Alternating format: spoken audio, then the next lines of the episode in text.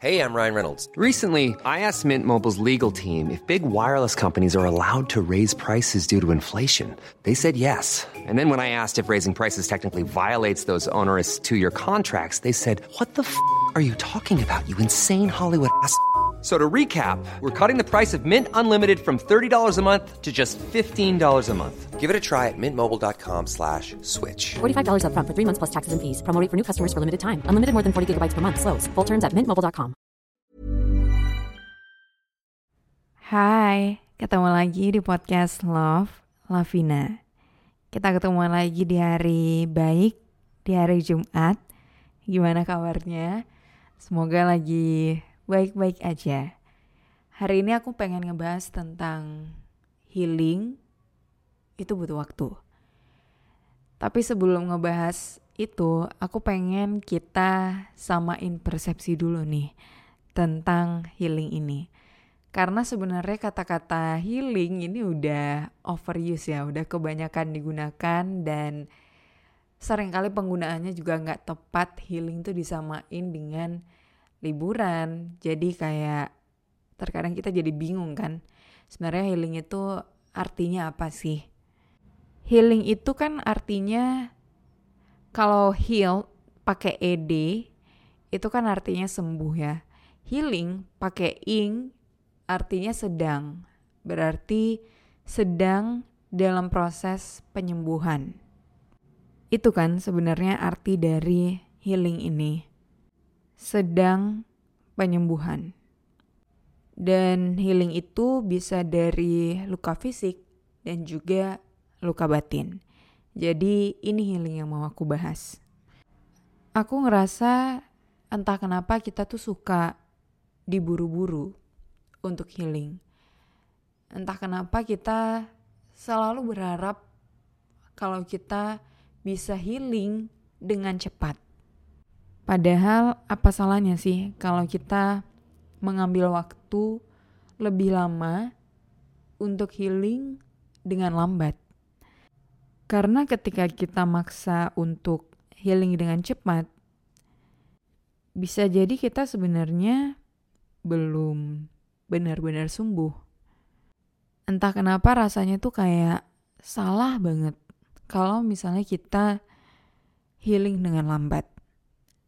Dan seharusnya kita tuh nggak perlu membandingkan waktu healingnya kita dengan waktu healingnya orang lain. Kalau ada orang lain yang bisa healing dalam waktu satu bulan dengan mungkin case yang sama, dengan sakit yang sama, ya udah. Kalau kamu butuh dua bulan atau tiga bulan, ya udah. Emangnya kenapa? Yang terpenting kan sebenarnya kita bisa benar-benar sembuh. Bukan siapa yang lebih cepat sembuh. Jadi ketika kamu lagi berusaha untuk sembuh, baik itu dari luka fisik ataupun luka batin, izinin diri kamu untuk healing dengan lambat. Kalau memang kamu butuh waktu, it's okay. Kamu gak perlu ngeliat orang lain ngebandingin proses healing kamu dengan proses healingnya orang lain. Kalau kamu butuh istirahat beberapa hari lagi, kalau kamu butuh menjauh dari certain people beberapa lama lagi, ya nggak apa-apa. Ingat, at the end yang terpenting dari healing adalah kita benar-benar sembuh, bukan seberapa cepat kita sembuh. Dan yang tahu itu ya diri kita sendiri. Jadi kita nggak perlu membohongi diri kita kalau kita ngerasa kita emang belum sembuh. Lomba untuk healing itu kan nggak ada ya. Jadi ya udah nggak usah buru-buru. Aku tuh sadar ini ketika aku baru selesai operasi dan ternyata recovery dari operasinya itu butuh waktu yang cukup lama.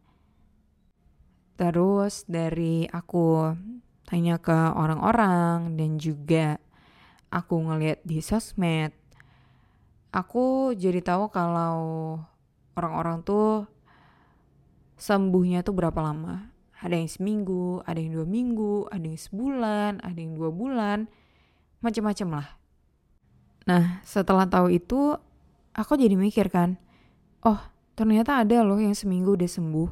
Waktu aku udah jalan seminggu dan aku ngerasa, kok aku kayaknya belum ya. Terus aku jadi kepikiran gitu, kok aku belum ya, kenapa ya, apa yang salah dengan aku. Padahal orang-orang lain juga ada yang sembuhnya sebulan, bahkan dua bulan. Basically ya tubuh kita tuh emang beda-beda. Setelah aku sadar healing tuh butuh waktu dan butuh waktu yang berbeda-beda, akhirnya aku jadi lebih santai aja ngikutin tubuh aku aja. Oh ya udah, belum sembuh berarti aku harus istirahat lagi oh ya udah aku masih harus minum vitamin lagi and it's okay jadi sekali lagi untuk kamu yang sekarang sedang healing izinin diri kamu untuk mengambil waktu secukupnya entah itu cepat atau lambat kamu nggak perlu khawatirin itu. Well, terima kasih sudah mendengarkan episode ini. Jangan lupa follow podcast Love Lavina di Spotify dan nyalain lonceng notifikasinya. Biar kamu tahu kalau aku udah upload episode terbaru. Jangan lupa juga ya kalau kamu suka podcast Love Lavina, kamu bisa share di storynya kamu, episode yang kamu suka. Boleh tag aku juga at Love Lavina, hanya dua di akhir. Dan insya Allah aku bakalan repost. Terima kasih, kita bakal ketemu lagi di episode selanjutnya. With love, Lavina.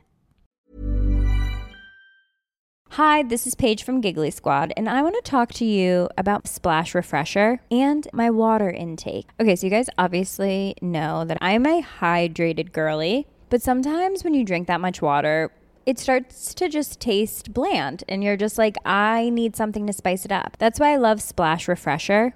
It has zero sugar, zero calories, and it's a splash of sweetness. And they come in five different flavors. They're so good wild berry, acai grape, pineapple mango, lemon, and mandarin orange. My favorite is the wild berry because I just I just love a berry. So if you're like me and you're drinking water all day, then try Splash Refresher. It's going to absolutely change your water game and it's good for you.